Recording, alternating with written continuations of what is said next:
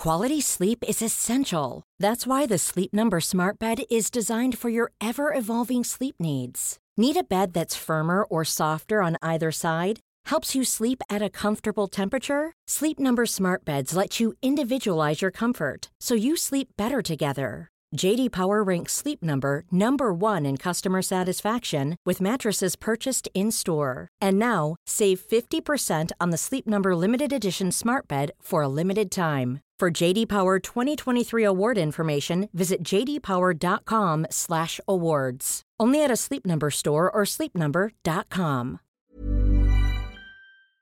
Den här veckan så har vi ett betalt samarbete med Synoptik och deras glasögonabonnemang Synoptik All Inclusive. Ja, det är ett tryggt och bekvämt sätt att ha glasögon där man kan kombinera med eh, solglasögon och linser och där all service ingår som fria glasbyten när din syn förändras, otursskydd om du klantar till det. Ja, vet du vad Måns?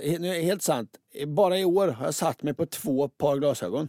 Då är det här något för dig. Dessutom får du möjlighet att byta ut ett par varje år. Så kan det ju vara lyxigt att ha solglasögon med styrka. Det har jag köpt i år redan ju.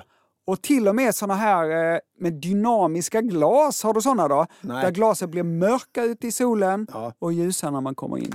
Allt inkluderat i en fast månadskostnad från 90 kronor i månaden. Inga oförutsedda kostnader. Dessutom har de ett erbjudande. Du får alltid 30% på alla glasögon och solglasögon när du tecknar ett Synoptik All Inclusive. Läs mer och boka tid på synoptik.se. Fråga Anders och Måns.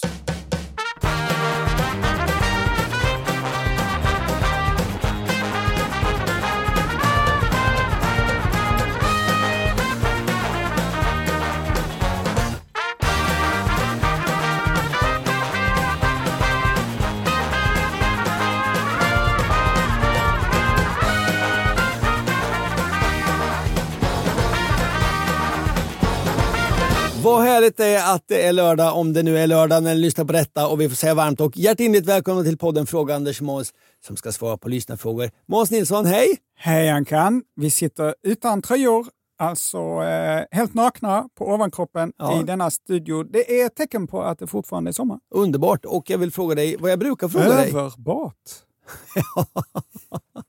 Sen vi sågs, det har gått en vecka, har det hänt dig något? I helgen var jag på antikmarknad i Markaryd. På sommarens varmaste dag gick jag varv på varv, runt, runt på en dammig grusplan. Och i konkurrens med andra medelålders antikgubbar försökte jag fynda av ännu äldre antikgubbar. Antikförsäljare. Det var underbart. Jag fyndade lite, gjorde några dåliga köp, åt varmkorv och glass. Och då har jag ju pratat mycket om gubbtecken här i podden Anka. Ja. Ett säkert gubbtecken är att jag har blivit intresserad av antikkategorin kuriosa. Ja, det tycker jag är spännande. Ibland, vissa butiker har kuriosa. Min, min dotter frågade mig faktiskt på semestern, vad, vad säljer man i butiker med kuriosa? Och jag märkte, jag kan inte svara. Det är blandat, tänkte jag. Blandat! Ja, Det är inte så dumt alltså, ordet blandat. Kuriosa är liksom det som blir över när allt annat är kategoriserat. Det som inte är möbler, lampor, porslin, glas, böcker, mattor och så vidare. ja det, man kan säga att det är antikvärldens det, det, det låda som man har i, i köket där det handlar lite, hamnar lite, ja det är några gummisnoddar och tejp och skit. Skröfslådan, Ja, där det finns en penna, en tändare, batteri och en gammal laddare där man inte har kvar själva apparaten. Ja. Nycklar som man har glömt vart de går, men det känns obehagligt att kasta dem. och det är kuriosa. Det är skröfslådan. Bra att ha saker, helt enkelt. Och jag har aldrig varit intresserad av kuriosa. Men nu stod jag och rotade i gamla kakburkar med förstoringsglas, nyckelringar, cykelmärken, kompasser och brevknivar i mässing. Mycket, mycket trevligt. Ja, just det låter Jag trevligt. välkomnar det. Anka, vad har hänt dig sen sist? Jag har haft en alldeles underbar vecka. Det glädjer mig. Jag har nämligen varit på bröllop. Ja. Min brors bröllop. Va? Ja, det är stort. Min bror är ju äldre än mig. Han är 54 år. Och man kan ju lätt tro att människor mellan 50 och 60 är lite tråkiga. Att de tänker så här, det är en dag imorgon också. Mm, vissa Så- gör ju det. Ja, så behöver det inte vara för, förlåt, jävlar vilken fest. De här mellan 50 och 60-åringarna festade som om det inte fanns någon morgondag. Det var stort. En liten sak bara, när ens bror gifter sig, då är det ju inte jag som ska vara i centrum. Mm, nej, Ankan, Nej. det här måste du ta med dig. Ja. Alltså. Och jag vet att jag gärna hamnar i blickfånget. Men denna gång var till och med jag medveten om att nej, idag är det inte min dag. Hade ni snacket? Nej, nej, nej. Men, men jag är ju inte dum i huvudet. Det är jag ju inte. Jag fick en uppgift. Jag skulle samla ihop ett 10-15-tal personer och så under vigseln då, så skulle vi stå redo med varsin flaska champagne. Och sen när bröllopsförrättaren sa nu kan du kyssa bruden. Då skulle vi Du? all- Nej, nej, bröllopsförrättaren. Ja, ja, ja, Ja, eh, eh, eh, då skulle vi liksom ha smugit upp lite vid sidan av brudparet, lite som på en scen och skjuta iväg då 10-15 champagnekorkar. Blup, blup, blup. Wow! Ni skulle vara lite smidiga, smyga Ja. fram. och sen skulle jag utbringa då ett fyrfaldigt hurra för brudparet. Det är ju lätt ja. Ja. Eh, Jag fick som ett litet körschema. Eh, Under en viss sång så skulle vi ta av det här skyddet vet, som håller nere champagnekorken. Mm. Efter sången skulle det bara vara några få ord kvar till orden Nu kan du kyssa bruden. Jag och de andra följde noga schemat. Sången kom, tog bort skydd- skyddet. Mm, ja, metallen. Ja. Sen var det inte bara några få ord kvar. Utan det var, ja, kan man säga som ett litet tal. Mycket mer än några sekunder. Ja. Min kork började smyga uppåt. Nej! Jag pressade. Du tänkte, här, det, får inte bli så att den smäller iväg alla tittar på mig under talet. Som om jag gjort det här med flit för att få lite uppmärksamhet. Så får det Så får det inte bli. Jag pressade korken som besatt. Ja. Men den var på väg upp. Och ingen av de andras korkar var på väg upp. Det var högtidligt. Nej. Bröllopsförrättaren sa visdomsord. Det var tyst. De så kärleksfulla till varandra. Människor grät. Ja. Då smäller min kork. Stort skratt från publiken. Alla tittar på Ankan. Ja, jag skäms. Ärligt skäms. Och då ser jag förmodligen ännu lite roligare ut. ännu lite mer skratt. Alltså min brorsa gifter sig och mitt under vigseln inte väljer men då blir det som att Ja, jag det- sko- skojar, är- skoj, skojar till det lite Alltså grann. det är ju ofta så med det, att det är ju inte du som, som gör fe- alltså det, att det bara blir, eller hur? Ja, men det är Det väl bara en, blir. det är väl en jävla skitlillebror. Så till er som var där, det var inte meningen. Jag förstår att jag inte alltid måste synas. Så att förlåt och ursäkta, men sen var det roligt. Sen gjorde vi såna här, eh, brorsan har en liten pool. Vi gjorde Dirty Dancing-hopp så här, man ska hålla varandra i luften. Det är roligt eh, när man är eh, mellan 50 och 60, det går dåligt. Jag förstod inte leken. Nej, men vet man, i Dirty Dancing, Patrick Swayze fångar upp i luften och håller Baby. Ja, baby i luften. Ja. Övade på sådana hopp i poolen. Nej, 50-60 år ska så han jävlar vad vi slog oss. Sen dansade vi pardans och vi dansade in i orkestern. Allt var precis som det skulle vara. Nu ska vi inte prata mer om min brorsas bröllop. Vi ska svara på lyssnarfrågor. Vi börjar nu!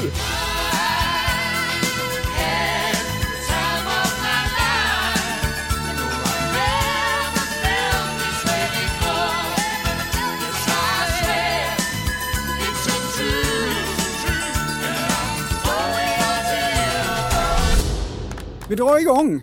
I förrförra avsnittet fick vi en fråga om årsringar från Henrik. Och jag berättade om hur överraskande mycket information som man kan få ut Ja. av en bit trä med eh, årsringar. vill jag ifrågasätta den formuleringen lite. Berättade. Du föreläste i uppåt en kvart. Det är ju det jag gör i den här podden. Inte bara hur många år som trädet blev kan man utläsa, utan också när det växte. Och var? Ja, Just det. Ja. Jag pratade länge, Mm. men ändå är Henrik inte nöjd. Nej, vad tråkigt. Hej! Tack för det uttömmande svaret på min fråga om årsringar. Anledningen till att jag kommer fundera på detta med årsringar från första början var att jag och min familj vandrade genom en bokskog där det växte imponerande stora bokträd. På många av träden hade människor ristat in små meddelande. Det var allt från initialer och kärleksförklaringar till fallossymboler. Såklart.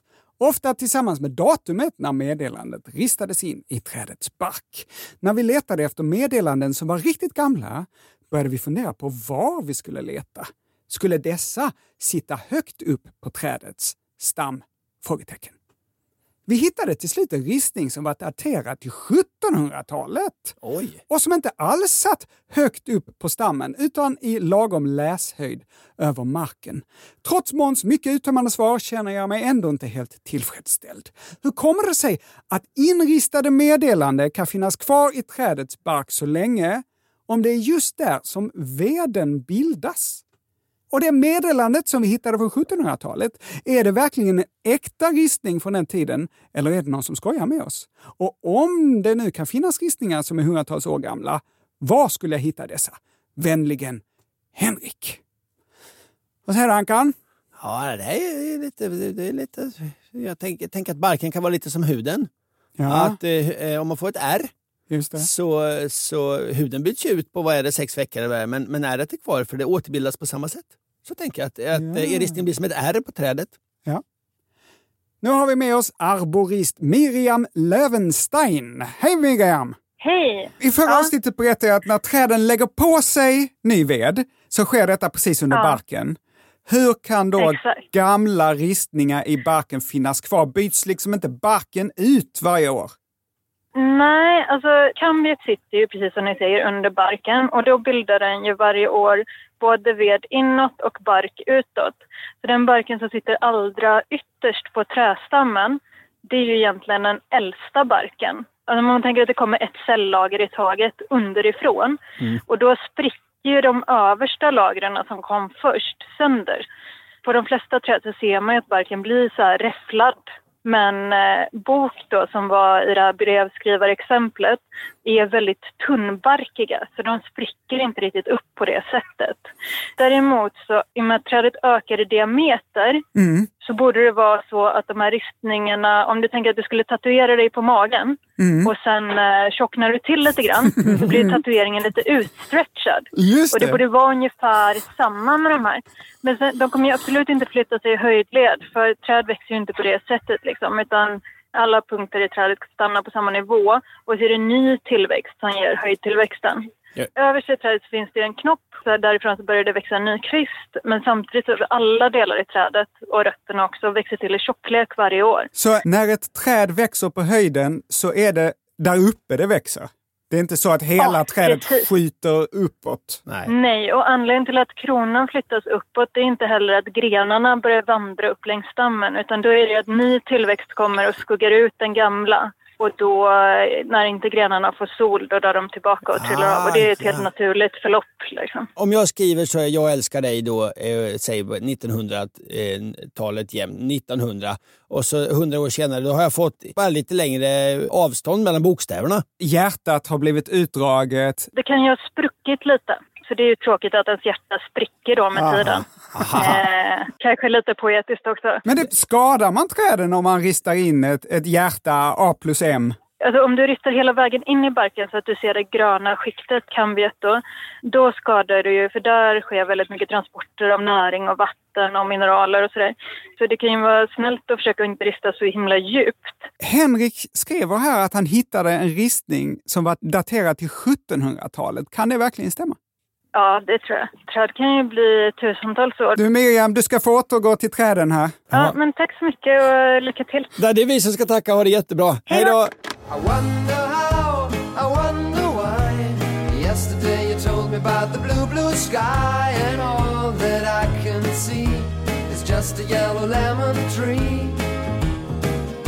Från träd är steget inte så långt till mygg. De bor ju lite på samma plats, Just det. utomhus. Hej! Vad händer med en mygga när det regnar? Slås den till backen ifall den träffas av en regndroppe? Beror det på hur stora regndroppar som faller? Regnfrågor en regnig sommar från Thomas Moberg. Tack så mycket Thomas. Vad tror du Måns? Hur är det när det regnar? Eh, Försvinner myggen då tycker du? Ja, jag tycker nog den tar väl eh, skydd. I sådana här vindskydd som scouterna sätter. Eller gör de det verkligen? Gör de inte? Jag vet inte. Eller är de så snabba i vändningarna, så kvicka att de kan liksom se en regndroppe och bara manövrera förbi? Ja, visst är det spännande att tänka sig. på. Ja. Ja. Jag vet inte själv vad jag tror hur det är med mygg. Jag kan liksom inte minnas om myg- myggen är kvar när det regnar. Nej, jag tror inte att de är det. Man tänker ju att om det regnar, ja då måste myggen fly. Då är det kört. Då är det ju liksom regn överallt. Och är jag mygga och blir träffad, ja då är det ja, då är jag rökt. Det är som att få eh, ett vattenfall i facet Ja. för oss människor. Ja. Eh, Enligt sidan Faktabanken så är det inte så. Dels så är regnet inte så tätt som man kan uppleva det. Alltså regn täcker ju snabbt en stor del av, del av en jag ska väl säga asfaltsplätt. eh, Sådär. Det, och det går ju ganska snabbt. Men det är liksom mer långt i sidled mellan regndropparna än man kan tro. Ja, men det verkar- om man håller ut handen när det Ja. regnar. Det är ju inte så att man träffas av 20 regndroppar på en gång i handen, utan en eller två bara. Ja, dessutom är ju myggor väldigt små. Ja. Sen hävdar Faktabanken, och det här är jag lite tveksam till, att när regndroppen faller så skapar den en liten tryckvåg under sig. Mm. Och tryckvågen, även fast den är liten då, hjälper myggan liksom att puttas åt sidan så att den inte Den träffas av trycks bort av luft innan den träffas av vatten. Ja. Mhm. Det hävdar sedan faktabanken.nu, Ja. men jag är inte säker på det. Jag har inte fått den uppgiften vidimerad någonstans. Uh, fina ord. Va? Vidimerad är väl inte så jävla fint ord? Som att vi får alla våra uppgifter vidimerade. Faktabanken, kan det bli mer eh, rätt på fakta än, än, än fakta därifrån? Ja, eh, Faktabanken drivs av Mats Wiklund, universitetslektor vid Stockholms universitet. Ja, Och har man kritik mot den eh, förklaringen, då är det inte vårt, det är hans fel. ja jag hör av er. Men hur, eh, det är klart att då och då blir ju eh, myggor träffade av en regndroppe, eller hur? Ja. Hur tror du då att det går för myggan, Måns? Jag tror att det går relativt bra. jag tror inte de dör av det. Insekter är ju eh, hållbara alltså. Mycket riktigt! Så här skriver Vetenskapsradion 2012. Myggor överlever att bli träffade av regndroppar tack vare sitt starka exoskelett. Du vet, de har ju skelettet på utsidan till motsats från oss som har det på insidan. Och så är de lätta. De klarar en droppträff. Detta enligt försök som amerikanska fysiker har gjort där de filmat myggor med höghastighetskamera samtidigt som de utsatts för regnlika vattenduschar. Tänk att ha det jobbet då. Och vet du vad jag har gjort idag på förmiddagen? Nej. Jo, jag har suttit och kollat på filmer där mygg i slow motion träffas av regn i extrem närbild. Det är fantastiska bilder. Det sitter jag och tittar på när jag jobbar. Så det är mitt tips för dagen. Gör det på ditt jobb också om du hör det här nu. Pausa ditt redovisande, din grävmaskin eller din operation en kvart eller så. Ta fram en dator eller en telefon och sök Ja, om på du opererar någon så, gör, så vänta till efter du är färdig. Sök Sitt på. Mosquitoes flying in rain och sen bara njut. They're incredibly light with a strong exoskeleton, which allows them to absorb the impact of the much heavier drops. Even taking a direct hit, the mosquito lives to fly another day. Om du blir påkommen av din chef, hälsa det var Ankan som sa att jag skulle göra det och hälsa att min mejladress är landsbygds och infrastrukturdepartementet att regeringskansliet.se. Slutsatsen av experimentet om oss det är att även om myggan blir rejält omskakad så är den fysiska kraften som överförs från vattendroppen till myggan när den träffar mycket liten för att myggan är så lätt. Ja, ja. Man kan se två typer av träffar. Och det här är ingen överraskning, det är snedträff. Okej. Ja, de uttrycker sig inte så, men eh, det är en snedträff. Ja, den träffar lite grann bara. Ja, och då, då wobblar myggan till, Ja. men efter bara en kort, kort stund så är den tillbaks eh, helt oberörd. Ja. Och så finns det fullträff. Full träff såklart. Ja, då åker myggan ner typ en decimeter, Ja. sen kör den vidare igen. Hmm.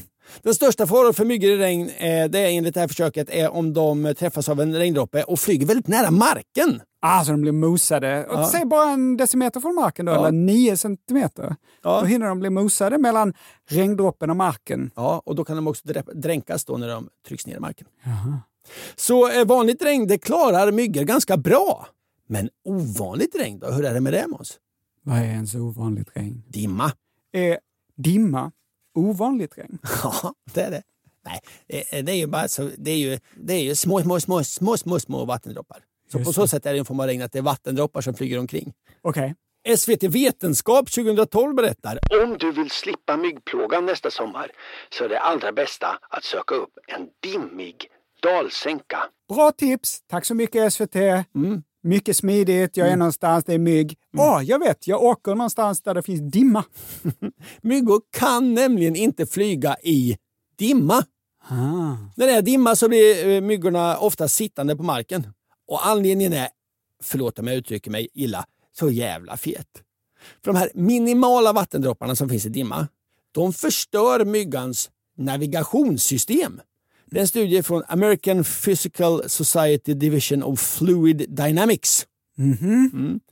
De kom fram till att i en regnstorm, alltså en vanlig regnstorm, då träffas en mygga av en regndroppe i genomsnitt var 20 sekund. Oj, det är ju ändå störigt. Ja, men det är tillräckligt sällan då för att de ska kunna eh, manövrera och, och hålla sig så eh, flygande på det sättet som jag nyss beskrev. Det är jobbigt för dem, men det går. Dimma, nej. Är det för att vingarna blir blöta tror du? Av fukt? Nej. Men de här små, små eh, regndropparna då, de fastnar på de så kallade svängkolvarna. Det låter som något på besiktningen. Jag får en tvåa, en tvåa på svängkolvarna. Jag visste inte ens att myggor hade svängkolvar. Inte jag heller. Men de sitter tydligen precis bakom vingarna.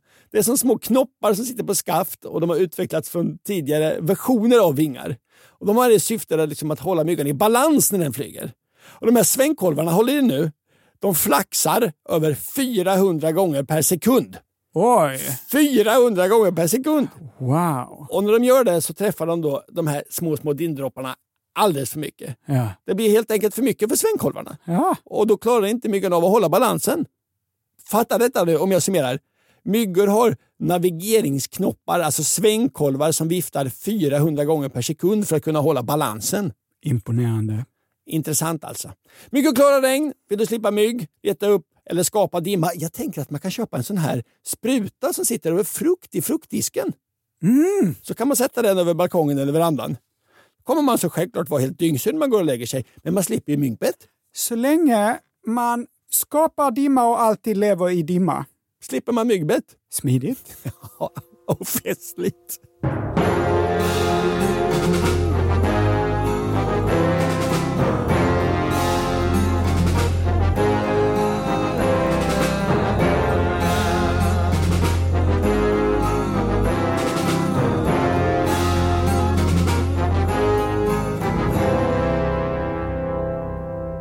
Ankan, det har fortsatt ramla in nomineringar i Sveriges i särklass mest rafflande tävling. Svenskans fulaste ord. Ankan, vilka nomineringar från förra veckan håller du lägst?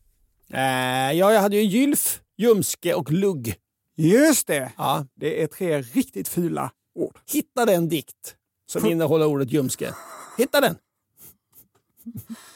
Hittar du den så skicka den till fraga andersomans.se och skriv rubriken dikt med ljumske. Vi har fått hundratals nya förslag.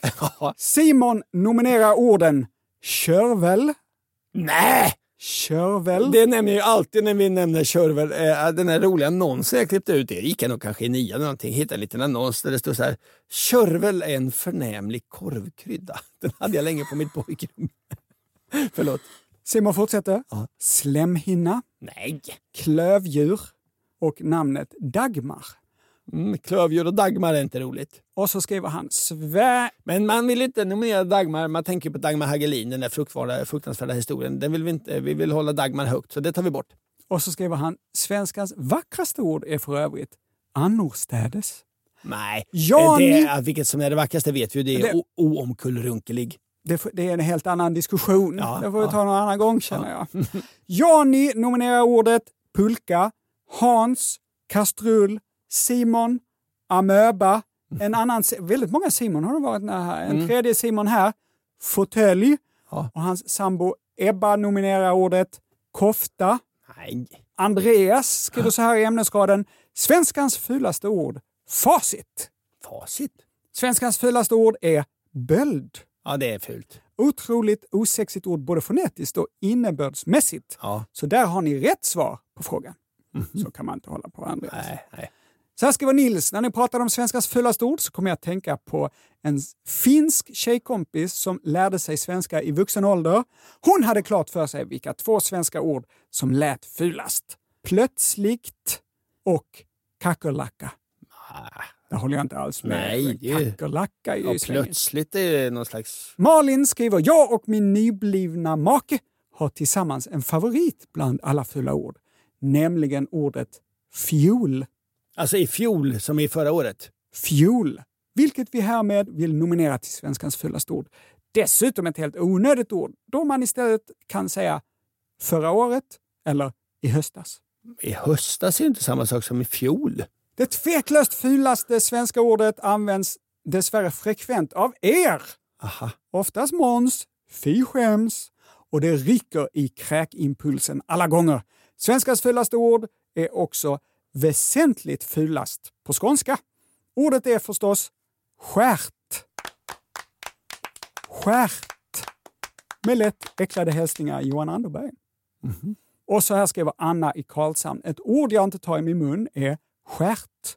Det är det vidrigaste ord jag vet. Eller framskärt. Usch!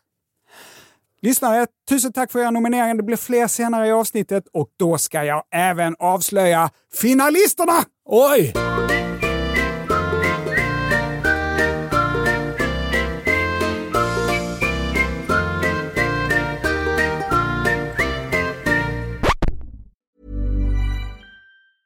A lot can happen in three years, like a chatbot may be your new best friend. But what won't change? Needing health insurance. United Healthcare Tri Term Medical Plans, underwritten by Golden Rule Insurance Company, offer flexible, budget friendly coverage that lasts nearly three years in some states. Learn more at uh1.com. Quality sleep is essential. That's why the Sleep Number Smart Bed is designed for your ever evolving sleep needs. Need a bed that's firmer or softer on either side? Helps you sleep at a comfortable temperature? Sleep Number Smart Beds let you individualize your comfort so you sleep better together. JD Power ranks Sleep Number number 1 in customer satisfaction with mattresses purchased in-store. And now, save 50% on the Sleep Number limited edition Smart Bed for a limited time. For JD Power 2023 award information, visit jdpower.com/awards. Only at a Sleep Number store or sleepnumber.com. Mom deserves the best, and there's no better place to shop for Mother's Day than Whole Foods Market. They're your destination for unbeatable savings, from premium gifts to show-stopping flowers and irresistible desserts. Start by saving 33% with Prime on all body care and candles. Then get a 15-stem bunch of tulips for just $9.99 each with Prime. Round out Mom's menu with festive rosé, irresistible berry chantilly cake, and more special treats. Come celebrate Mother's Day at Whole Foods Market.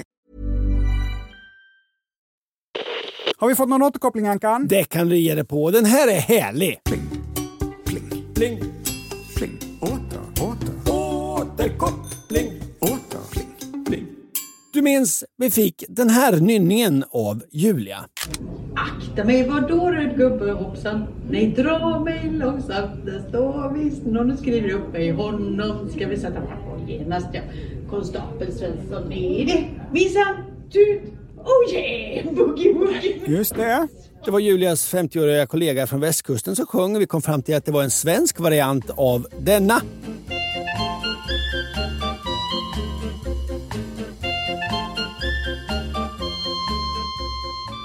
Baby Elephant Walk, Henry Mancinis filmmusik till filmen Hattari. Och på svenska lät den då, som i nynningen, så här. Jag är världens största lilla baby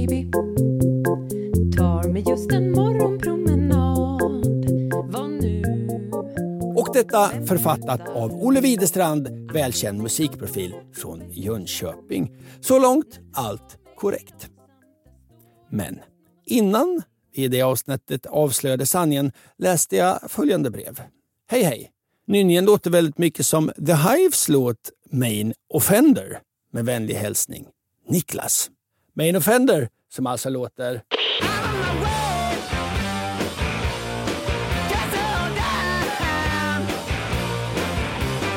Vi skrattade bort det här. Det var chans. dåligt förslag. Så det skulle vi inte ha gjort. Vi har fått följande brev. Tjoflöjt. I avsnitt 83 så kom det in ett förslag vad Julias kollega sjöng. Ankan hade då svårt att se likheter med det låtförslag av The Hives som jag kommit med och jämförde det med näringsinnehållet i saftsoppa. I beg to differ. Därför, för att bevisa likheterna, bifogar jag en så kallad mashup. Det jag skapat, som jag skapat av The Hives Main Offender och Henry Mancinis Baby Elephant Walk. Med vänlig hälsning, Niklas. Mm. Är Niklas en av medlemmarna i Hives, eller? är det Pelle på sång här?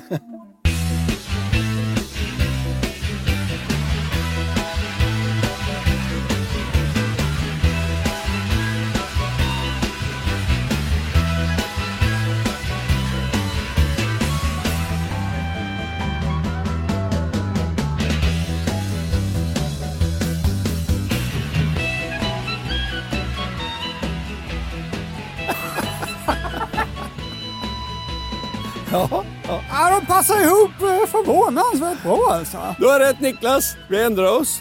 Nynningen som sjungs av Jul- Julias kollega är en svensk version av Baby Elephant Walk och The Hives Main Offender. Ska vi se om vi kan höra av oss till The Hives och i nästa avsnitt eh, kolla med dem om de har stulit Baby Elephant Walk rakt av här med flit. Ja, nu blev det i alla fall rätt.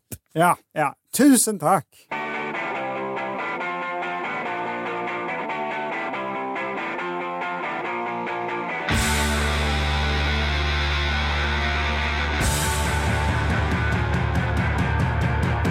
Nu blir det en riktigt sexig fråga här Ankan.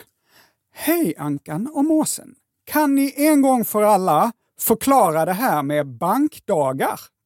Ah, den här frågan läste jag också i natt. Den hoppar jag över ja. Varför kan vissa transaktioner ta flera dagar att gå igenom? Ja. Och varför sker inget på helger? Swish har ju visat oss att det är fullt möjligt att göra överföringar av pengar på en tiondels sekund vilken dag som helst. Så vad sjutton håller bankerna på med? Vänligen Petter. Ja, men Petter, där håller jag med dig. Och min eh, då lite konspiratoriska teori är att eh, ju fler dagar som bankerna får ha eh, sina, eh, med, mina pengar på ett konto, desto mer ränta kan de tjäna. Så de håller på dem så länge som de kan. Ah, ja, de tar ut dem från ditt konto Ja, och så håller de det liksom på ett övergångskonto ja får ränta. och får ränta på de pengarna Ja, och i- sen skickar iväg. Ja, Ja, det låter som en konspirationsteori. ja, Kan det ligga någon sanning i det? det vet jag inte. Men jag är på Petters linje alltså. Mellan två konton i samma bank överförs pengarna direkt. Ja. Men mellan banker. Varför ska det behöva ta så lång tid? Det är ju inte direkt en människa som sitter och godkänner varje överföring. Nej, jag fattar att det var så när det var så. eh, Lappar som skulle stämplas och hit och dit. Men nu, men det är precis som han säger med Swish. Hopp, då har de. Skitsamma vilken bank. Så här kan det inte gå till idag. Nu jobbar jag på en bank här då. Mm. Måns vill föra över 500 kronor till sin dotter. Jaha, då ska vi se här. Då ringer jag upp Nordea och dubbelkollar så att kontonumret stämmer. Hoppas de svarar här. Ska vi se. Då får du vara Nordea, Ankan. Och så får du säga då, hej det är Nordea. Hej, det är Nordea. Hej, det var Swedbank här. Jag vill bara dubbelkolla ett kontonummer. Mm. Eh, han heter Måns Nilsson. Ja. Kontonumret här 713... Nej, 731 731. Jaha. Aj, där ringde klockan. Sorry, sorry. Klockan är 09.30, dags för fika. Jag får ringa upp lite senare. Ja, ja. Ja, hej hej. Hej. Så kan det inte gå till nu för tiden. Nej. Nej. Ibland får mottagaren i en annan bank pengarna samma dag. Men om jag till exempel gör en överföring klockan 14.00 på en fredag så får inte personen pengarna förrän på måndagen. Det är inte rimligt. Nej, det är inte bankdagar. Va? På helgen är inte bankdagar. Nej, exakt. Det är väl inte rimligt att det ska gå två och en halv dag innan de får pengarna? Nej, de digitala systemen har väl inte rast på helgen? Eller gör det? Jag sökte information om det här på nätet och hittade bara på ett enda ställe. Det är Riksbanken som har skrivit en lång text om varför det tar så lång tid att föra över pengar mellan banker. Texten är lång, supertråkig. Ja. Så jag har sammanfattat den. Ja, det hoppas jag verkligen. Varje bank får varje dag miljontals betalningsuppdrag. Och för varje så är det en del saker som ska kollas upp. Finns det täckning på kontot? Finns mottagaren och så vidare. Men allt det här sker ju digitalt så det går superfort. Det som sinkar processen är att bankerna inte för över pengarna mellan sig utan de har en mellanhand, nämligen Riksbanken. Aha. Alla banker har ett konto hos Riksbanken och det är mellan dessa konton hos Riksbanken som överföringarna sker. Mhm, Så att om jag ska skicka pengar till dig nu med, med, säg med Swish. Ja. Skickar jag, Nej, Swish, håll utanför Swish. Säg att ja, du gör ja. en banköverföring. Ja, Okej, då skickar jag, skickar jag till, till, till Riksbanken och så skickar Riksbanken till dig. Eh, nej, du skickar till din bank, din bank skickar till Riksbanken, Mm. Ja. för över till ett annat bankskonto i Riksbanken Ja. och från det kontot så för de över till den banken. Då. Ja, ja, ja. Det finns en mellanhand, kontona på ja, Riksbanken. ja, jag förstår. Alla banker har ett konto hos Riksbanken och det är mellan dessa konton som överföringarna sker. Anders, säg att du har Swedbank Ja. och nu ska du göra tre stycken olika överföringar till konton i Nordea. Ja. Du ska föra över 40 kronor, 800 kronor och 12 000 kronor. Oj. Du har köpt en rostig bil eller något. Ja. Då är det inte så att Swedbank gör tre överföringar från sitt konto hos Riksbanken till Nordeas konto hos Riksbanken. 40 kronor, 800 och 12 000 kronor. Nej! Nej! Istället, under ett antal timmar så samlar de ihop alla betalningar som alla deras kunder gör till Nordea plussar ihop den här summan av alla överföringarna och för sedan över en klumpsumma till Nordeas konto hos Riksbanken. Är du med? ja, absolut. Det borde bli rörigt då för Nordea sen att se vem ska ha vad av det här. Ja, då skickar de liksom en textfil eh, också. Ja, ja, ja. Det här eh, klumpsumman innehåller de här eh, betalningarna. Ja, ja, jag fattar. Jag fattar. Nu använder jag Swedbank som exempel och om jag har förstått rätt så gör de det här två gånger om dagen. De för över två klumpsummor om dagen. Ankan, har du hört talas om bryttider? Ja, men jag minns inte vad det betyder. Bryttid är när den här perioden när banken samlar ihop betalningar, Ja. de här timmarna liksom, när den tar slut. Ja. Och på Swedbank är bryttiden klockan 13.00. Jaha. Så de samlar ihop betalningen ända till klockan 13.00. Om du hinner signera ditt betalningsuppdrag innan 13.00 så kommer det med i dagens första batch. Dagens första klumpsumma till Nordea. Men om du inte hinner, Nej. Ja då är din betalning med i andra batchen. Klockan tre gissar jag. Nej men den ligger, de gör det ju bara två gånger om dagen. Ja, ja. Så den ligger ju många timmar framåt på dagen. Ja, ja, ja. Så då kommer din betalning bara ligga på vänt tills nästa bryttid och nästa klumpsumma ska över, överföras. Med lite otur så tappar man ju många timmar på det. Ja, men när är nästa brytpunkt då? Ja, om de bara gör det två gånger om dagen, Ja. då kanske det är 13 på dagen, ja då är det kanske ett på natten. Nu gissar du. Men det som verkligen sinkar din betalning är att Riksbanken har stängt 58 procent av dygnet. Och dessutom hela helgen. Bankerna kan bara göra överföringar till varandras konto i Riksbanken klockan 07.00 till 17.00 på vardagar. Mm -hmm om du gör en överföring 13.01 så hamnar den i andra batchen, andra klumpsumman och bryttiden för den, den klumpsumman, är ju efter 17.00. Då har Riksbanken stängt, så tidigast de kan ta tag i den här betalningen är ju 07.00 dagen efter. Ja. Så när det gäller Swedbank, om du signerar ditt betalningsuppdrag innan 13.00 så får mottagarna i den andra banken pengarna samma dag. Om du signerar efter 13.00 så får de pengarna nästa dag. Om det inte är så att det är en fredag, för då tar ju Riksbanken en välförtjänt helg. Ja. Just det, kör inom systemet på väg hem, köper några flaskor gott Barolo-vin, något gott att grilla och dyker inte upp på kontoret igen förrän måndag morgon. Ja, säkert lite senare på måndagen också. Har du hängt med Ankan? Absolut. Har jag hängt med? Ja. Jag vet inte. Om inte, skriv till oss. Du kanske jobbar på Riksbanken och vill försvara er rätt till att vara helglediga. Skriv då till fragga.andersochmans.se. ja, men Riksbanken borde väl också ha datorer som inte ska grilla lite på helgen. Det kan man ju tycka. Ja. Och du som lyssnar, om du har info så får du gärna debunka den här konspirationsteorin också då. Att bankerna gör det här med flit för att sitta på pengarna lite och tjäna Ja, ränta. ja. Jag tror att det är det som kallas för cash management. Om du vet, skriv till. Fragga snabel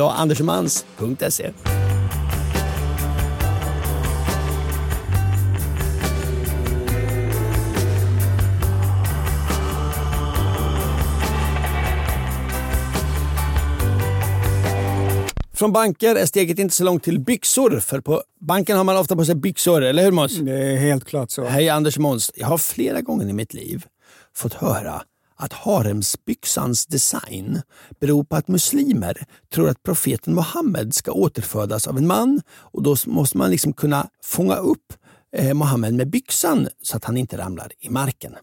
Stämmer verkligen detta? Tack för ett bra program. Johan. Mm. Mm, Innan vi går vidare, Måns, kan du kort beskriva hur ser en haremsbyxa ut? Hmm. Ja, den är ofta sydd i ett glansigt tyg. Det kan vara ett matt tyg, men det är lite tunt eh, tyg eh, som finbyxor Ja. ofta är sydda i.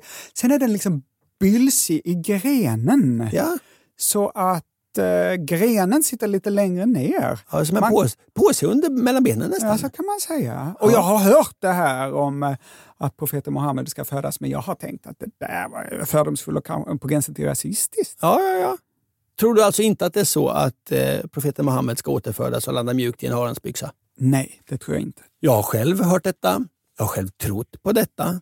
Jag har däremot hört att det inte är Muhammed som ska återfödas utan Buddha som ska återfödas Jaha. landa i, i byxan. Stämmer det här? Nej. Jag hittade återberättat på, då får du gissa, tre forum. Familjeliv, Flashback och Lawline. Nej, Familjeliv, Flashback och Reddit. Ja, ja. Ja, såklart. Jag litar inte på någon av dessa. Jag hittar istället sidan haremsbyxor.se. What? Och är det en sida som borde veta mycket om haremsbyxor så antar jag att det är sidan haremsbyxor.se. Det låter så. Jag läser högt. Haremsbyxor härstammar från Mellanöstern och var traditionellt en del av klädseln för män och kvinnor i harem. Det vill säga det privata bostadsområdet i ett muslimskt hus. De första haremsbyxorna var gjorda av tyg och hade ett löst sittande passform som möjliggjorde rörelsefrihet för både män och kvinnor. På 1800-talet introducerades haremsbyxan i västvärlden. Inte ett ord om profeten Muhammed och hans åter återfödsel. Wikipedia skriver modellen har sitt ursprung i traditionellt indiskt och arabiskt mode. Plagg som påminner om haremsbyxor förekommer bland annat inom magdans. Just det. Inte ett ord om någon återfödsel. Forgotten Tribes skriver i artikeln A Brief History of Harem Pants.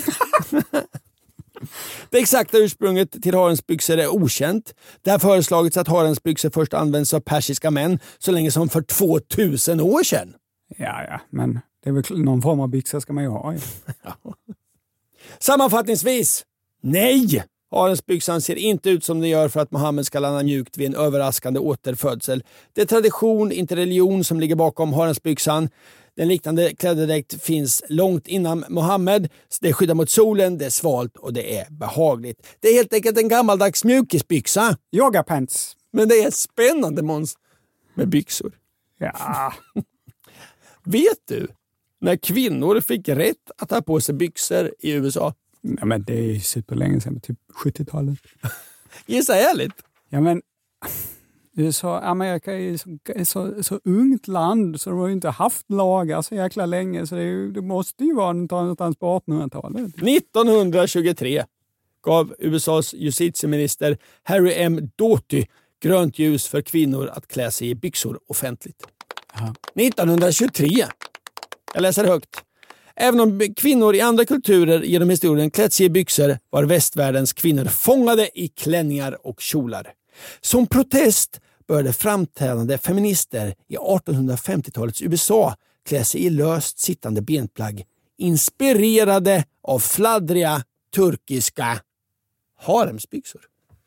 Då kallades de inte haremsbyxor utan frihetsplagg. Gubbarna blev arga. Det var ett brott mot samhällets sociala normer. Kvinnor ska ha kjol, inte byxor. Det här måste stoppas. Och Många amerikanska städer eh, införde då särskilda lagar som förbjöd kvinnor att bära byxor. I San Francisco beslöts 1863 att invånarna inte fick visa sig offentligt i kläder som inte tillhör hans eller hennes kön. 1923 då så slogs det fast att även kvinnor hade rätt att bära praktiska kläder. Men det var inte förrän Hollywoodstjärnor som Marlene Dietrich och Katharine Hepburn började fotografera sig i byxor. Det här var på 30-talet som det, som det, som det blev liksom Mode. mode. Och inte förrän på 60-talet var kvinnor på byxor fullt accepterat. Gubbar alltså.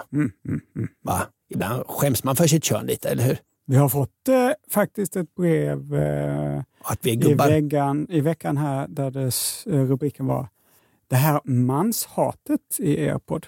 Jaha, ja, det har jag inga problem med. Det har jag inga problem med. Jag bara tycker bara om människor som är snälla. Många pratar utan att säga någonting som fotboll när det bara är spark och spring.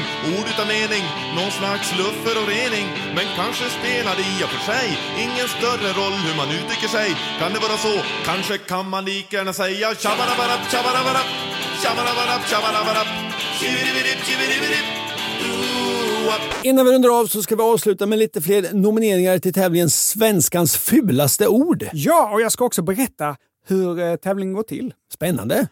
Så här skriver Viktor. Jag nominerar ordet fåtölj i kategorin ord på stoppade saker, för det fanns väl kategorier? Nej, nej. Nej, Nej. Viktor, inga kategorier. Men jag antecknar fåtölj som nominerad. Så här skriver Erik. Själv har jag alltid tyckt att svenskan är särskilt ful när det handlar om ord med dubbel F. Till exempel skuffa, karaff och toffel. Ja, Men om jag bara får nominera ett ord tar jag gaffel. Nej! Joakim föreslår orden sås och pöl. Pöl är ju inte så snyggt. Nej. Pöl. Nej. I Karolins mail står det bara ett enda ord. Snorkel. Nej, det är ju ett roligt litet ord. Snorkel. Sanna nominerar ordet smutt och skriver så här, ett jäkla skitord. Nej. Hur kan någon vilja säga så finns så många bättre synonymer? Fint, bra, härligt och nice. Ellen skriver så här, när det gäller fula ord i vårt språk måste jag bidra med orden räv, mögel och förråd. Ja, mögel dyker upp igen ja. Mm. Och så här skriver Magnus. Och räv får du inte nominera. Magnus skriver, mina nomineringar till Sveriges fulaste ord är bulk, Ja, det är inte så kul. alltså nej. stora lass av något, Ja, ja. och vulk. Alltså ett tejp som kan sitta ihop med sig själv. Gummi som vulkar. Mm. Bra att ha när man lagar cykeldäck. Mhm. Det var, vi har fått lite fler nomineringar, men detta är de som jag hinner dra. Ja, ja. Och nu har jag, helt maktfullkomligt, Ja. tagit fram ett finalfält. Fem fula finalister. Ja. Och det är dessa ord. Kan jag få en trumvirvel? ja, här kommer den. Här kommer de fem fulaste orden. Tävlingens finalfält. Gylf. Ja, det är... Sköldkörtel. Lugg. Framskärt. Pöl. Och fjol. Ja. Det blev sex stycken tydligen märkte jag. Ja, det, men det kan vi ha. Ja. Och den uppmärksamma lyssnaren märkte att vårt mest nominerade ord, Framskärt. Vårtgård, inte gick vidare till final. En skräll Ja, det måste i tävlingen så här då. En skräll. Det var en skräll. Nu är det upp till dig som Vad skönt det är att bara vara, vara två som jobbar ihop. Vi, kan, vi, är, vi har ingen stor organisation att ta hänsyn till. Utan vi kan bara, vi, kan, och, och, det, det är bara att bestämma. Ja, det är härligt. Ja. Ja. Nu är det upp till dig som lyssnar att avgöra vinnaren. Rösta gör man genom att skriva ordet i ämnesraden och mejla till fraga anderssochmans.se. Ska jag ta de nominerade orden igen? Ja, för man, får, man får inte skriva andra, det kommer bli för rörigt. Vadå? Får inte nominera Nej, nya nu nu eller skriva gäller andra. det bara nomineringen Ja. är stängd. Ja, ta dem nu Ja, och Ja. nu gäller det bara Kan du inte skapa på... istället en, en sån där Nej, omröstning? Nej, nej, okej. nej, Nej, okej. Skriv då. Sen ta dem igen. Ett, Gylf, två, sköldkörtel, tre, lugg, fyra, framskärt, fem, pöl, sex. fjol. Det här är finalfältet, de enda man får rösta på och rösta gör man genom att skriva det ordet man vill rösta på i ämnesradet och skicka till Fraga andersomans.se. Vi hörs igen om en vecka, för då är det nästa vecka. Tills dess, ha det så bra. Hej då! Puss och kram.